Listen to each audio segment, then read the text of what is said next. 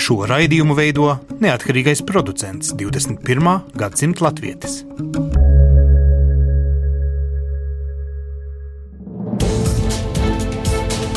Septiņas dienas Eiropā piedāvā Eiropas radiotīkls Eironet.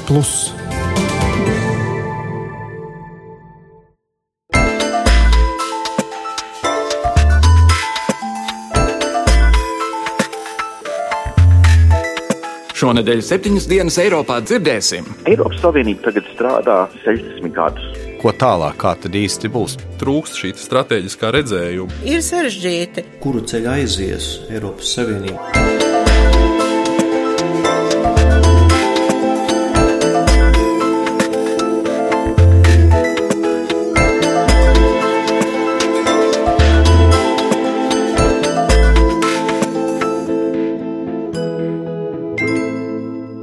Labdien, godējamie klausītāji! Latvijas radio studijā Kārlis Strīps esiet sveicināti šajā pašā pēdējā septiņas dienas Eiropā. Trīs gadus esam kopā ar jums bijuši, ceru, ka ir bijis interesanti. Zviedrijas valdība, atsaucoties uz pastiprinātām Krievijas aktivitātēm Baltijas jūras reģionā un Krimas aneksiju, ir lēmusi sākot ar šā gada 1. jūliju no jauna daļēji ieviest obligāto militāro dienestu. Tā kā Zviedrija nav NATO dalība valsts, tā ir pārliecināta, ka obligātais dienests ir atkal nepieciešams, lai stiprinātu bruņotos spēkus, kas pēdējos gados balstīti tikai uz profesionālo armiju. Globālā drošības situācija ir strauji mainījusies. Tikai pirms septiņiem gadiem Zviedrijas tā laika valdība atcēla jau simts gadus pastāvējušo dienēšanas tradīciju, jo kopš augstā kara beigām militārie spēki bija sarukuši par visiem 90%. Tikmēr Briselē Eiropas komisijas priekšsēdētājs Žans Klods Junkers Eiropas parlamentā prezentējot scenārijus Eiropas Savienības nākotnē teica, Pirms 60 gadiem Eiropas dibinātāji izvēlējās apvienot kontinentu ar likumu spēku, nevis ar bruņotajiem spēkiem.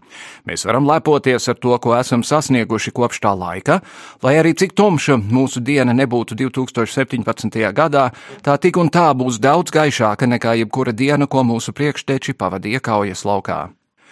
Latvija, protams, ir gan NATO, gan arī Eiropas Savienībā kā pilntiesīga locekle, un tāpēc mums rūp, kas ar šīm organizācijām, mūsu faktiskiem drošības un pārticības garantiem notiek. Šobrīd šajās tumšajās 17. gada marta dienās bilde nav diez cik spoža. Norisinās Brexits, plaukst protekcionisms un populisms, tiek izplatītas puspatiesības, un transatlantiskās alianses nākotne var jebkuru brīdi tikt pakļauta labākam darījumam, tā teikt.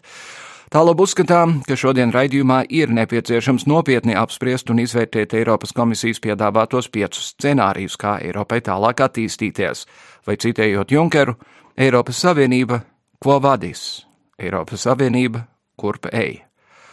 Bet vispirms mana kolēģe Ieva Valēne izklāstīs jums, kas tad īsti rakstīts tā sauktajā Baltajā grāmatā par Eiropas nākotni, iespējas ceļā uz vienotību 27 ES valstu vidū, par ko šomēnes noteikti daudz viet Eiropā plaši tiks spriests.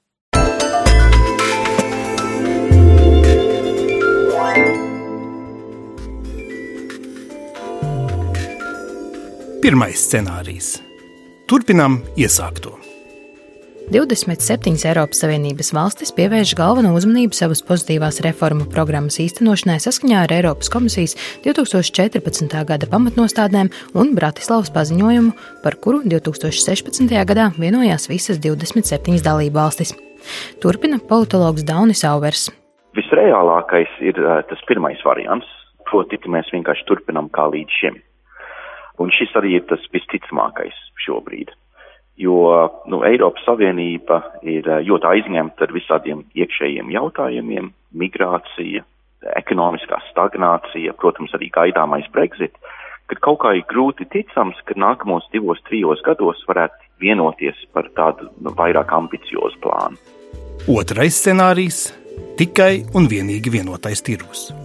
27 Eiropas Savienības valstis pakāpeniski pārorientējas uz vienoto tirgu, jo nespēja rast vienotu kopsaucēju ar vien vairākās politiskās jomās. Tas tostarp varētu nozīmēt ar dievas atvērtām robežām. Turpina politologs Aldis Austers. Šis otrais scenārijs ir tas, ko vēlējās Lielbritānija patiesībā. Vienotais tirgus un nekas vairāk.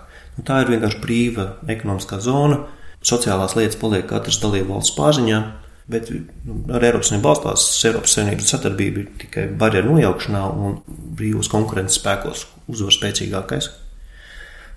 Bet jāsaka, ka tas, ko mēs šobrīd redzam, un šīs eiroskepses pieaugums un arī populistisko partiju uzvaras gājiens daudzās Rietumēropas valstīs lielā mērā rezultāts tam, kā sabiedrības arī Rietumvalstīs saredz Eiropas Savienībā globalizācijas instanci, nevis instrumentu aizsardzībai pret, pret globalizācijas spiedienu. Un šādos apstākļos ir vairāk jādomā par sociālo Eiropu. Par to, lai aizsargātu tos cilvēkus, kuriem neveic šajā globalizācijas spēlē. Trešais scenārijs. Tie, kas vēlas vairāk, dara vairāk. 27 Eiropas Savienības valstis rīkojas tāpat kā pašlaik, taču atļauj dalību valstīm, kuras to vēlas, vairāk sadarboties konkrētās jomās, piemēram, aizsardzībā, iekšējā drošībā vai sociālajos jautājumos.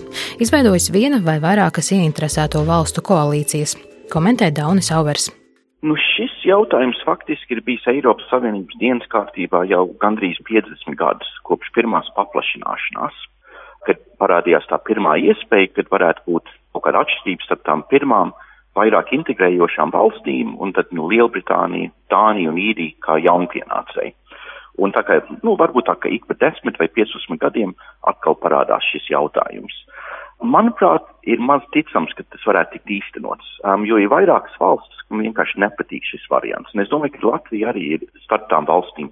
Proti, tur baidās, ka varētu izveidoties kaut kādi tādi ekskluzīvi klubiņi, kur, piemēram, ir tā Nīderlande, Beļģija, Vācija un uh, Francija, un kad viņi integrējās, un tad izveidojās tāda kā divu ātrumu Eiropas Savienība, un tas arī varētu būt kaut kāds pamats varbūt sabrukumam ilgtermiņā. Tāpēc, manuprāt, arī šis variants, ka tur notiek kaut kāda sadarbības starp kaut kādām konkrētām valstīm, nu, tas ir kaut kas, kas varētu arī neiegūt kaut kādu plašāku atbalstu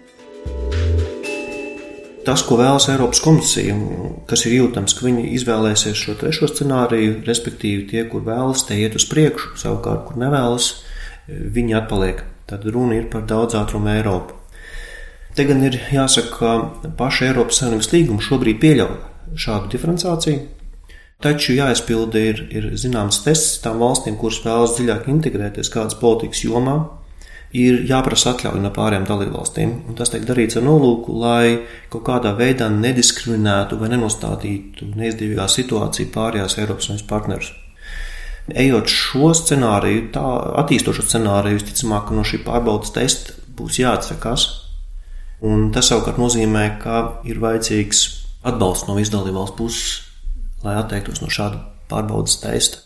No Latvijai būs patiesībā jāizvēlās vai viņi vairāk pieslēgsies Centrāla Austrumēropa valstu blokam, respektīvi Polijas, Čehijas, Slovākijas un Ungārijas atbalstītam virzienam, kur vēlas mazāku Eiropas ietekmi, vai arī iet šo ciešākas integrācijas ceļu, kas ir Vācijas, Benelux valstu un arī pašas Itālijas, tātad dibinātajā valstu virziena, ka vairāk virzīties šajā federalizācijas virzienā. Tā Aldis Austers. Viņš arī saka, ka par atlikušajiem diviem scenārijiem, kurus tūlīt arī dzirdēsiet, runā, ka tie ir vienkārši piekabināti klāt, lai baltā grāmata labāk izskatītos, taču tos realizēt neviens negrasās. Ceturtais scenārijs - dara mazāk, bet efektīvāk. 27 Eiropas Savienības valstis koncentrējas uz to, lai vairāk un ātrāk gūtu rezultātus atsevišķās politikas jomās, vienlaikus darot mazāk tajās jomās, kurās darbojoties, dalību valstu prāta nav nekādas pievienotās vērtības. Uzmanību un ierobežotie resursi tiek koncentrēti izvēlētās politikas jomās. Turpina Auvers. Eiropas Savienība tagad strādā 60 gadus, un nav vēl bijis tāds moments, kad uh, Eiropas Savienība atsakās no kaut kādas funkcijas vai kaut kādas politikas jomas. Tāpēc tas būtu nu, ļoti nozīmīgs novērsiens, eh, vai drīzāk pavērsiens Eiropas Savienības attīstībā, ka viņi sāk atteikties un tā, tā kā masveidā atteikties no kaut kādām funkcijām. Tāpēc, nu, manuprāt, šis variants ir relatīvi maz ticams. Piektais scenārijs. Darām daudz vairāk kopā. Dalību valstis dažādās jomās nolēma, ka tām būs vairāk kopīgu pilnvaru un resursu un ka tās pieņems vairāk kopīgu lēmumu. Lēmumi Eiropas līmenī tiek pieņemti ātrāk un tie tiek strauji īstenoti. Turpina Aldis Austers. Ir skaidrs, ka darīt vairāk visās jomās, kas ir šis maksimālā programma, ir piektais scenārijs, nestrādās, jo nav šīs politiskās gribas, tad jāsaka, ka kuru ceļu aizies Eiropas Savienība, visticamāk, neviena no šiem pieciem.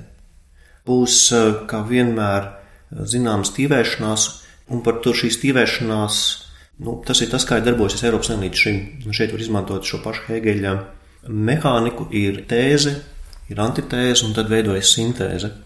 Un arī pat Eiropas komisija pieļauj, ka patiesībā līdz decembrim parādīsies vēl kāds iespējams sestais un septītais variants.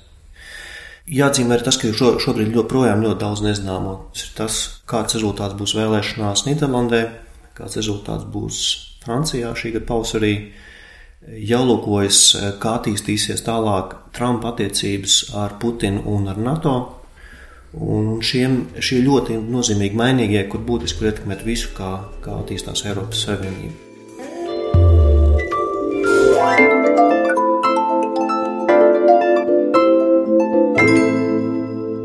Šajā izšķirošajā mēnesī beidzot tiks uzsāktas Brexit izstāšanās sarunas, kā arī atzīmēs Romas līgumu, tātad faktiskās Eiropas Savienības pastāvēšanas 60. gada dienu. Romas samitā ir iecerēts, ka atlikušie 27 valstu vadītāji nopietni apspriedīs un izvērtēs Eiropas komisijas priekšsēdētāja Junkera piedāvātos piecus scenārijus, kā Eiropai tālāk pastāvēt. Arī mēs šodien spriedīsim, kā Eiropa varētu un kā tai vajadzētu tālāk attīstīties ar Eiropas komisijas pārstāvi Latvijā Inu Šteinbuku. Labdien! Labdien! Ar Eiropas parlamenta deputātu Krišjānu Kariņu. Labdien! Labdien! Un Latvijas radio ārzemju ziņu korespondentu kol kolēģi Uģi Liebieti. Labdien! Labdien! Kariņkungs, sāksim ar, ar jums. Jūsu kolēģis Zīles kungs ir teicis, ka šis plāns nav īsti plāns, tas ir drīzāk tāds taktisks uzskaitījums par to, kā rīkoties tālāk. Kā jūs uz to skatāties? Nu, viņš nav uzskatāms kā plāns, jo nav piedāvāts eh, redzējums vai eh, konkrēts piedāvājums, kurā virzienā attīstīties. Tas ir, varētu teikt, tāds nu, sistēmisks, varētu kritizēt kā birokrātisks uzskaitījums, ka ir vismaz pieci dažādi scenāriji, eh, sākot no turpinam kā līdz šim, uz tādiem galēji, teiksim, otrs, tiek, kā saka, nu, izbeigsim šo balli, un trešais ir varbūt attīstīsim balvu vēl tālāk, vai varbūt tikai daži dejos kopā kamēr citi malā skatīsies. Eh, viņš ir, varētu teikt, tāds nu, teorētisko iespēju izklāstījums ar plusiem, ar mīnusiem, bet tas vēl nav redzējums. Un es izlasīju to eh, plānu, un eh, plenāru sēdē Junkers uzstājās. Nu, kā politiķis man trūka tas, ka, nu, nu, kas ir piedāvājums. Tur nav nekam piekrist, nekam nepiekrist. Mm -hmm. Protams, tā viņš arī saka, raksta un, un teica savā uzrunā, tā viņš arī to ir domājis. Vienkārši ierosināt diskusiju, bet tā jau ir. Tas var būt savā ziņā trūkums, kas Eiropā ir no vienas puses, vai ne? Daudzi bieži grib vainot Briselu, Briselu tur pie vainas pie tā, bet no otras puses, tad, kad vajag nu, teiksim, kaut kādu redzējumu vai vadību, tad saprot, ka mums jau nav tāda veida savienība, mums nav nevienam tāds mandāts faktiski vadīt. Mm -hmm. Un tāpēc iznāk, ka tagad uz priekšdienām, es domāju, kas mums jādomā, ir, kas Latvijai no šī visa ir vajadzīgs. Jā. Steinbuks kundze, kas ir baltā grāmata Eiropas Savienības uh, hierarhijā? Tas nav likums, tas nav īsti likuma priekšlikums, kas ir baltā grāmata. Tā arī nav Jāņa Jansudrabiņa uh, balta grāmata. tas ir drīzāk tā saucamais manuskripts, kur tajā profesionālajā žargonā uh, saucās baltā grāmata. Tā nav grāmata, tas ir dokuments. Um, Kārņa kungs tik tikko teica, ka, nu, tas nav īsti plāns, par to rakstīja arī Zīles kungs savā rakstā, bet es domāju, ka komisija arī nepretendēja uz to, lai izstrādāt vienu vienīgo plānu. Komisija gribēja ieskicēt maršrutu vai ceļu, dažādus ceļus, piecus ceļus, kādā veidā Eiropa var um, virzīties nākotnē. Un ņemot vērā, ka mums tik tiešām nav federāla Eiropas valsts, tā nav Amerikas vai ne, federāla sistēma, uh, Eiropas komisija nevar uzņemties piedāvāt uh, valstu vadītājiem vien vienīgo plānu. Un tieši tāpēc tā ir skīce, tā ir, tie ir ilustratīvie scenāriji, kuri pagaidām nav izstrādāti uh, līdz detaļām, nē, uh, bet tas ir mana skatījuma diezgan labs sākums, lai uh, valstu vadītāji uh, Romas samitā sākas jau, sāka jau diskutēt, un pagaidām vēl ir laiks uh, pārdomām, bez tam Eiropas komisijā sola um, ne tikai, nu, papildināt to balto grāmatu ar pieciem diskusijas uh, rakstiem, un tajos rakstos būs apskatīti tādi jautājumi kā globalizācija, tādi jautājumi kā aizsardzība, arī monetāras un ekonomikas savienības paplašināšana un vēl citi. Un es domāju, ka materiāla pārdomām būs pietiekoši daudz, un valstu vadītāji sāks diskutēt, un tā diskusija nebeigsies jau 25. martā, viņa tikai sāksies 25. martā. Mm -hmm. Cerēsim, ka, ja ir varianti, tad vismaz par kaut kādu kombināciju no tiem variantiem valstu vadītāji spēs vienoties. Jā. Uģi, ko tu saskati tajā? Baltajā grāmatā. Nu, šajās dienās man ir nācies diezgan daudz lasīt par to, kā jau dažādi eksperti, žurnālisti reaģē uz šo piedāvājumu. Un, Jāsaka, ka ir divas tādas lielas nometnes. Viens ir politikas pārstāvi, kas saka, ir iedodas visai konstruktīvs tāds kā rāmis turpmākajām diskusijām un pārdomām. Tad nāk mediju un eksperti, kas saka, ka ir šajā plānā ir nu, uzbūrta tāda diezgan pesimistiska aina par mūsu nākotni. Un šajā situācijā parādās tas, ka Eiropas Savienība, Eiropas komisija faktiski atzīst to, ka viņai trūkst šī strateģiskā redzējuma. Un arī, nu, it kā ja tā varētu teikt, trūks drosmes pateikt, ka vajadzētu darīt tā, tāpēc šis uzdevums tiek dots dalību valstīm. Vēl viena lieta, kas tiek diezgan bieži kritizēta, ir tas, ka šis te no nu, atvēlētais diskusiju laiks par šiem plāniem ir ļoti garš. Un, nu, kā tiek minēts, bieži vien tas ir 19. gada Eiropas parlamenta vēlēšanas, līdz kurienai šai jaunajai stratēģijai būtu jānāk, nu, jābūt gatavai. Uh, vēl viena lieta, kas parādās, ir tas, ka visticamāk, ka arī šī gada beigās, kad ir dalību valstīm jānāk klajā ar savu redzējumu, saviem piedāvājumiem, ka ļoti iespējams, ka būs vēl vairāki scenāriji. Un uh, tad tas jau arī tiek norādīts, ka uh, netiek, netiek teiksim, runāts par to, kāds varētu būt scenārijs nu, no, no dienvidu valstīm vai no valstīm, kas ir saskārušās ar imigrāciju, no tām valstīm, kas ir vairāk orientētas uz drošības stiprināšanu. Un, kā arī vienā no komentāriem lasīju, atsaucoties tieši uz Žana Klauda Junkera biroja vadītāju, kurš bija pateicis, ka viss šī scenārija piedāvājums ir par atvērtāku Eiropu, kas ir balstīta uz vērtībām un uz uh, noteikumiem un likumiem balstītu starptautisku sistēmu.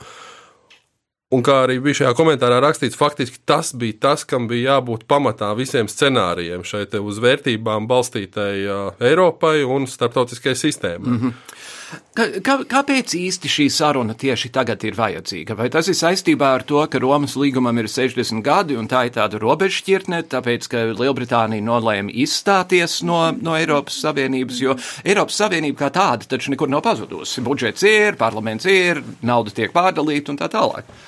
Es domāju, ka viņš parādās eh, lielā mērā dēļ tā, ka Lielbritānija eh, gatavojas izstāties no Eiropas Savienības un jau rodas eh, visās valstīs sabiedrībās jautājums, a, a, ko tālāk, kā tad īsti būs. Mēs zinām, ka tagad mēs esam priekšvēlēšana gaidās Vācijā, Nīderlandē, Francijā ir lielās. Nu, kāds būs iznākums? Nu, es pieļauju, ka iznākums varētu būt, ka nekas tik traks vēl nenotiks, bet tāda neskaidrība ir liela. Kā es redzu no Latvijas puses, mēs esam divi miljoni, mums ir vajadzīgi partneri gan ekonomiski iemeslu dēļ, gan drošības iemeslu dēļ. Labākais variants mums ir visa lielā Eiropas Savienība, gandrīz nu, bez Lielbritānijas vienalga pār par 450 miljoniem cilvēkiem iekšējā tirgu. Uh, nu, ja nav uh, šī lielā Eiropas Savienība, nu, tad uh, teiksim, labāk tāda savienība, kur vismaz arī ir iekšā tā skaitā Vācija, Polija un teiksim, Ziemeļvalstis. Un tad nosacīt, nu, vai viņi saucās Eiropas Savienība, vai viņi saucās Svētā Romas Impērija, vai viņi saucās Hanzas Savienība. Bet tā pavisam nopietni, ja mēs tinam atpakaļ vēstures lapu, no agrāk Eiropas Savienība jau sen pastāvējusi un saucās Svētā Romas Impērija, arī Vācijas vadīt, nu, ja kas mhm. no 8. 1800. gada. Eh, tātad mums ir vajadzīgs eh, tāds pietiekami liels tirdzniecības bloks, kas ir arī militāri pietiekami spēcīgs, kas nodrošinātu mieru. Un saucam viņu kā gribam. Esam, es neuzskatu, tas tas svarīgākais. Un tad, teiksim, tas eh, Latvijai mums ir jāsaprot, ka nu, tagad savā ziņā tās smiltis drusku sāk kustēties. Nav īsti, vai viņas izkustēsies, vai nu, tikai tā drusku, un nu, Lielbritānija aizies. Nav pat skaidrs, kā viņi aizies, un pat pastāv iespēja, ka viņi to beigās neaizies. Mm -hmm. Jo vēl ir jautājums, vai parlamentam būs, nebūs gala balsojums Lielbritānijā, vai, viņi, vai, teiksim, vai saruna rezultāts viņiem patiks. Jo iespējams, ka nu, tad vairs neliksies tik pievilcīgi izstāties ārā, jo Nu, to, ja, ja, ja būtu vēl viens referendums, man liekas, viņi nobalsot diezgan pārāk. Jā, bet viņi, bet viņi ir iedzīti tādās sprukās, bet mums ir vienkārši jāskatās, nu, mums tās intereses, man liekas, ir pilnīgi skaidrs. Mums ir vajadzīgi sabiedrotie. No nu jā. un darām visu, lai viņi būtu. Jūs uzdevat jautājumu, kāpēc tagad? Mm -hmm. Es teiktu, ka tāpat, ka Rīga nekad nebūs gatava, arī Eiropa nekad nebūs gatava, bet ir zināmi izšķirošie brīži, jo Kariņa kungs ļoti pareizi pieminēja Brexit, un tagad īstenība 25. martā 27 dalību valstīm būs izsniegta kā jauna dzimšanas apliecība, bet Eiropa jau mainījās, tiešām mainījās, nepieminēšu Romas impēriju, bet kopš dibināšanas brīža, kopš 57. gada bija ļoti daudz. Lisbona, vai ne? Jā, viss kaut kas. Mm -hmm. Un tagad būs kaut kas jauns. Bet, protams, ka mēs dzīvojām arī ļoti sarežģītos apstākļos, un ne tikai dēļ Brexita, bet dēļ tā, kā aug populisms, dēļ tā, kā mēs es, neesam jau tik droši par, par, par, par, par to mieru uzturēšanu un mm, par to, kā, kā, kā tas, ka karš nav iespējams. Jā, terorismu terorisma draudi, eh, ir sarežģīti. Arī nesen pārdzīvojam ļoti smago ekonomisko krīzi un sekas joprojām ir jūtamas, un līdz ar to eh, vajag eh, obligāti Eiropas valstīm vienoties par kaut ko tādu, ko viņi var īstenot nākamajam paudzēm, jo man gribētos, lai arī mans dēls un mani mazbērni, lai viņi dzīvotu drošā pasaulē. Mhm. Lūk, un tāpēc īstenībā vismaz tas minimums, par ko, par kas mums jau ir, tas ir vienotais tirgus ar visām brīvībām, to jau neviens neapšauba, arī ar brīvu cilvēku kustību, neviens neapšauba arī Eirozonu un Eiropā pastāvēšanu. Pat minimālajā scenārijā, kas ir tikai vienotais tirgus, tas tomēr tas labi, ekonomiskās vērtības un sociālas vērtības, bet tomēr ir pastāv, bet mēs gribam, un tas saglabāsies mm. visos scenārijos. E, es pilnīgi piekrītu, ka Latvijai vajadzētu tiekties pēc kaut kā daudz lielāka nekā tikai vienotais tirgus, jo mūsu intereses ir saglabāt gan reģionālo politiku, jo mēs ļoti daudz iegūstam no e, struktūrāliem fondiem. Mums noteikti ir jārūpējās par drošību, un tāpēc tas, ka tagad Eiropā ir pa, paplašināt, nu, ir sarunas par iespējamu drošības savienību, es domāju, ka mums arī ļoti uzmanīgi jāseko tām. Nu, lūk, mums ir jāskatās e, tiešām e, uz savām interesēm, bet es, pie, es, es varu piekrist tam, ka tas laika rāmis, kurš ir atvēlēts diskusijām, viņš ir diezgan ilgs. Te, man liekas, ka jūs to pieminējat. Bet no otras puses paskatīsimies realistiski. Ja mums būtu jau federāla valsts, tad arī lēmumu pieņemšanas process būtu arī daudz atvieglots. Un tāpēc varbūt tas piektais scenārijs liektos, ka viņš, viņš atvieglos to, to smagu lēmumu un smagnēju lēmumu pieņemšanas procesu. Bet jebkurā gadījumā gadījumā 19. gads īstenībā jau rīt. Mums tikai no, nu jā. liekas, ka ir ļoti daudz laika. Bet, Oi, nē, tas nu, ir tas, jā, laiks bet, ļoti ātrs. Bet kas tādā gadījumā pa īstam ir uz galda? Ja ne vienotais tirgus, ja ne eiro, ja ne Eiropas parlaments, Eiropas komisija un Eiropas Savienības padome, uh, Kā, par ko īsti tādā gadījumā ir diskusija? Par to, cik lielā mērā centralizēti tiek pieņemti lēmumi vai necentralizēti tiek pieņemti lēmumi, vai par ko ir diskusija vispār? Es domāju, ka tieši par šo diskusiju, un tāpēc arī Junkers to varētu teikt, to bumbu aizspēlē dalībvalstu ziņā ar jautājumu. Nu, līdz šim mums ir tāda starpvaldība sadarbība, 28, tūlīt būs 27 valsts, kas zināmā mērā nodod zinām lemšanu, teiksim, kolektīvi, nevis vairs katrs atsevišķi, un ir tas laiks tagad skatīties, labi, viens iet no šī kluba prom, un tad kā mēs pārējie, mēs gribam turpināt, nu, pārējie kā ir, it kā nekas nav, vai mēs gribam kaut kādā veidā nu, decentralizēt, vai tieši pretēji eh, vairāk centralizēt. Jo nu, Lielbritānija jau gadiem ilgi ir bloķējusi dažādas mēģinājumus veidot ciešāku sadarbību mm. arī, piemēram, aizsardzības jomā. Mm. Tagad viņi prom, nu tagad jau nekas vairs nekavē. Un, uh, tas ir atvērts jautājums. Vācijas kanclere Merkels kundze piedāvā tagad nu, skaidrā tekstā, ka varētu būt tādi divi pakāpja Eiropa, kas arī viens no Junkera eh, variantiem, kur tie, kas grib, nu, tad uz priekšu, sadarbojoties teiksim, ne tikai ar, ar vienotu tirgu, bet ar apvienotiem teiksim, bruņotajiem spēkiem, ar, ar ciešāku vai tiešu banku, nu, kas jau mm. mums ir, bet teiksim, stiprināt šajā jomā, varbūt vēl kādu jomu paņemt, un tie, kas vēlas palikt ārpusē, nu, tad laipni lūgt, vienotais tirgus paliek, tikai uz viņiem neatiecās daļa no tā, kas attiecās uz pāriem. Un savā ziņā tas jau pastāv, jo mums ir Eirozonas valsts. Mums ir ne Eirozonas valsts. Schengen zonas jā, valsts. Schengen, ne Schengen zona. Tātad jau NATO mums ir dalība valstis un ne NATO dalība valstis. Tātad mums jau ir vairāk pakāpju Eiropa. Ja man būtu jāzīmē, kas ar kafijas biezumos, es prognozēju, ka faktiski mēs uz priekšu turpināsim nosacīt kā līdz šim. Respektīvi, viņš mainīsies, protams, bet viņš būs tāda dalīta sistēma. Ne jau visi 27 izlems tagad apvienot bruņotos spēkus. Mm. Bet ja Vācija, Francija kā kodols, varbūt Itālija krāt, sāk ar iepirkumiem, nu es domāju, Latvijai tas varētu būt ļoti izdevīgi piedalīties kolektīvos iepirkumos. Nu, sad, lai te ieroči, lai, muni, nu, lai viss lai būtu lētāks, varbūt mēs pat paši varētu nopirkt helikopteru. Tā, nu, kas saka, ja, ja, ja, ja kas saka, dabū atlaidi vai ne, nu es, es tā smaidu. Bet, Vismaz delta plānu. Jā, bet, bet, bet tur ir, protams, sav, sava loģika ja mēs padomājam, nu, kas ir mūsu nosacītais pretinieks, Krievija vai ne? Nu, Krievijas militārais budžets, ja salīdzinām ar Eiropas Savienības atsevišķu budžetu, ir daudz mazāks. Bet Krievija var efektīvāk, jo viņai viens centrālais iepirkums, viena centrālā lemšana. Mums ir tomēr 27 iepirkumi, 27 lemšanas. Nu, ja mēs to varētu apvienot, tad par to pašu naudas daudzumu eh, mēs varētu daudz vairāk eh, sevi nodrošināt, vai varētu teikt, nodrošināt sev tajā pašā līmenī, izdodot daudz mazāk. Mm. Un, starp citu, tas arī saskana ar citu scenāriju, vai ne, darīt mazāk, darīt mazāk, bet efektīvāk. Jā. Ja, piemēram, tik tiešām e, dažas valstis, varbūt ne visas izvēlēsies iet šo ceļu, centralizēt iepirkums e, aizsardzības jomā, jā, tad tas arī būs e, speciāla joma, kur būs izdarīts daudz vairāk un efektīvāk. Mm -hmm. mm -hmm. Uģi, kā tev tas izskatās? Jo, jo vien viens, par ko vēl nav runāts, ir, ka pat labāk mums ir Orbāns, mums ir traka valdība Polijā. Pieņemsim, ka Lepēna neuzvarēs, lai gan mūsdienās neko nevar zināt. Pieņemsim, ka Vilders netiks pie varas Nīderlandē, lai gan neko nevar zināt. Cik lielā mērā pat pašreizējās 27 valsts var atrast kopsaucēju, tavuprāt?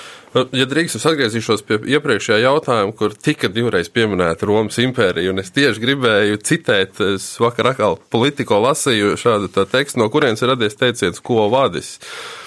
Proti, tā ir leģenda par Svēto Pēteri, kurš bēgot no vajāšanas, ejot ārā no Romas, satika augšām cēlušos Kristu, kurš atbildēja: Roma meo iterum crucifigi, proti, es eju atpakaļ uz Romu, lai tiktu sists krustā. Uh, un uh, faktiski es tā vilku uh, paralēlis ar Eiropas Savienību. Eiropas Savienība arī ir sākusies Romā un tagad atgriežas Romā. Un faktiski, ja ne gluži tāda krustā sišanas brīdis, tad nu, diezgan liela, ja tā varētu teikt, šķīstīta, šķīstīta vai grēksūdze vai krustcelis var to saukt. Jebkādā veidā Eiropai priekšā stāv. Uh, Par to, kas, kas ir uz kārtas, jā, es tieši gribēju minēt šīs dažādo nacionālo valstu atšķirīgās intereses, varbūt no Briseles uzstādījumiem. Un šeit ir tas jautājums, kas iepriekš parādījās, proti, šīs kopīgās vērtības.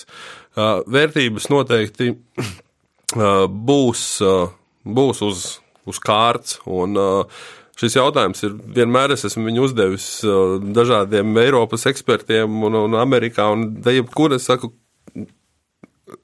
te, šis te pret, pretnostatījums starp, starp iegūmiem un vērtībām. Un es domāju, ka šeit būs diezgan liels darbs jāpieliek, lai nu, skatītos, kas mums ir izdevīgi un, un, un ko mēs, ja tā nosacīt, varam teikt, varam ziedot, un kam atkal varbūt ir ieinter, ieinteresēts pievienoties šīs te, nu, tādas varbūt protestējošās valstis.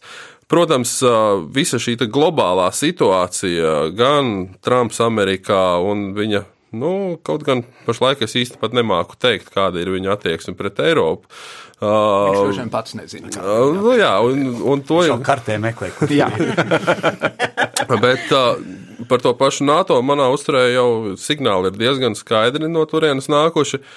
Uh, jautājums, kādas būs attiecības ar, ar, ar Āziju un kur šajā visā nu, teiksim, tādā juceklī būs Eiropa. Mm -hmm. vai, vai Eiropa zaudēs savu lielo ietekmīgo nu, teiksim, tā, aizsargu un partneri Ameriku? Ja tas tiek zaudēts, kas var nākt vietā? Lasot arī dažādus komentārus, tiek diezgan bieži runāts par tām lietām, par ko agrāk netika runāts. Tomēr tiek diskutēts par to, ka Eiropas Savienība varētu uh, pašreizējā formā sabrukt, ka varētu pārgrupēties, varētu veidoties citādi bloki. Uh, tiek runāts arī par to, ka eirozona tomēr varētu sabrukt, ka varētu veidoties citas uh, kaut kāda veida struktūras.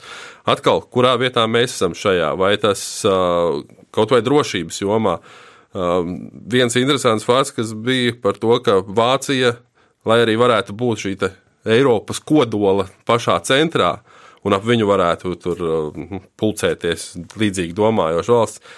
No otras puses, Vācija negrib pieļaut kā militāru lielvaru, teiksim, vai, vai, vai galveno spēlētāju Eiropas kontinentā. Nu jā, bet, tas, tā, tās tāds, tur ir ļoti daudz dažādu. Ir ļoti daudz dažādu jautājumu. Un, Karinkungs, kas, kas ir galvenais dalījums? Vai tas ir ziemeļa dienvidi, jaunās dalību valstis, vecās dalību valstis, mazas valstis, lielas valstis? Redz, eh, viņš ir kā kurā jautājumā.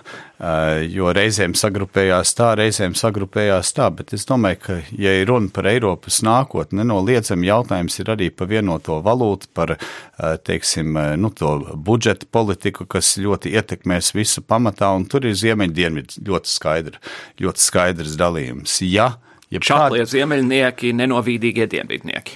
Nē, es tā drīkstu teikt. Nu, labi, tā var, tā var teikt, var skatīties, teiksim, kur eh, protestantisms un katoļu ticība ir eh, lielāka spēkā. Šīs te kulturālās eh, plaisas ir jūtāms arī šodien. Viņas var mm -hmm. reāli redzēt arī politikā un vispār dzīves pieejā. Bet varbūt vienam otram nepatīk, ka tas jau, nu, nu var nepatikt, bet Latvijai mēs esam visādos veidos nu, skaidra ziemeļvalsts. Un, ja notiek, manuprāt, ja notiek jebkāda dalīšanās Eiropā, nu, teiksim, ka, ka vairs nepastāvēja 27, kāds mēs viņus šodien redzam, vienīgo virzienu, kur es redzu, zinām, loģiku, kā varētu dalīties, ir tikai ziemeļdienvidi. Tas arī dēļ eiro valūtas, ka eiro valūtas prognozēt viņi nekur nebeigt pastāvēt, bet es saredzu scenārijus, kur zināmas dienvidvalsts izstātos no šīs mm -hmm. savienības. Dēļ tā, ka tā centralizētā kopīgā politika viņiem vienkārši nav pa kapatai vai pa spēkam. Viņiem vajadzētu devalvēties, jo viņi ir dziļos parādos, kur ziemeļiem ir pavisam citas vajadzības. Jā, un tad mēs varētu atgriezties pie situācijas, kur Itālijā viens sērkociņš maksā desmit tūkstoši naudiņas. Nu, tā, tā, tā būtu, tā būtu, tāpēc jau daudzi to negribētu. Un, teiksim, piemēram, Itālijā eiro kā valūta, kā visa Eiropas Savienība, tik interesanti šobrīd atbalsts eiro valūtai ir absolūti rekorda augstumā šobrīd par, par visām mm -hmm. valstīm. Tā ir skaitā Vācijā, tā ir skaitā Itālijā, Francijā. Tātad iedzīvotāji ir interesanti. Viens puses ar saviem politiķiem no Lepens un tāda atbalsts no vienas puses saka, es negribu to Eiropu, no otras puses izsakot atbalstu eiro valūtai un tā tālāk. Faktiski saka, es gribu to Eiropu. Un tā jau tā grūtība. Un lauksaimniecības subsīdijas. Jā, gribu, mēs gribam labumus bet varbūt mēs negribam daļu nu, to atbildību, kas nāk, lai uzturētu tos labumus.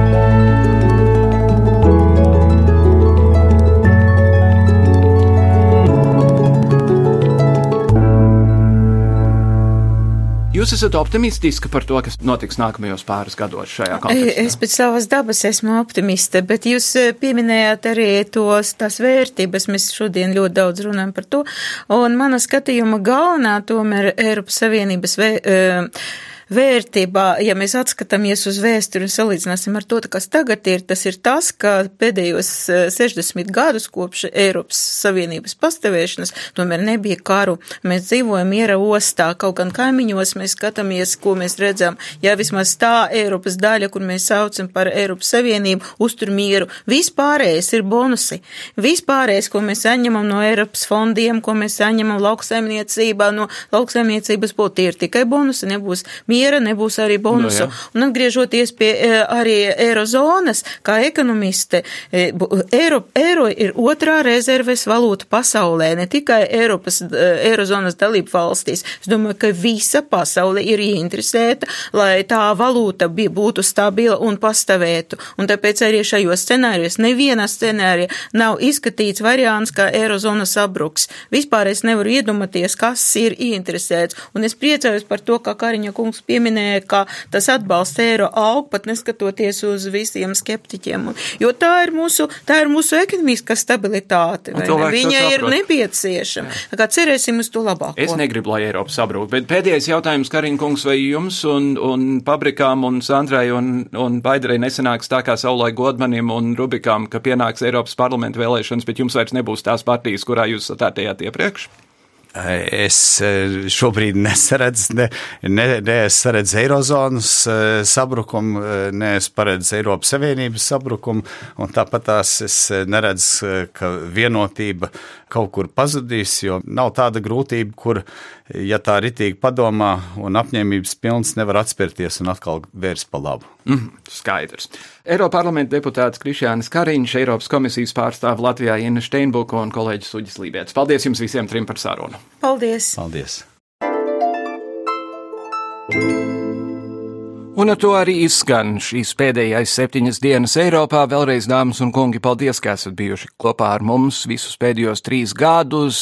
Lukas Rozītis, Ieva Valēne, Jānis Krops, mūsu režisors Reinis. Paldies visiem, visiem, visiem pēc kārtas, gan jau tiksimies kaut kur citur un kādā citā kontekstā. Pagaidām visu labu!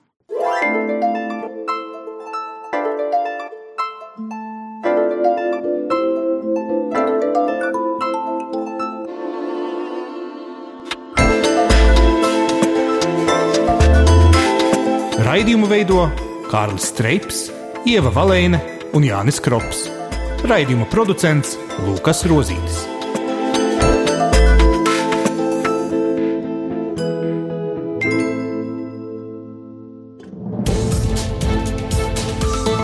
Visus Eironet plus sižetus un raidījumus meklējiet Latvijas radio mājaslapā.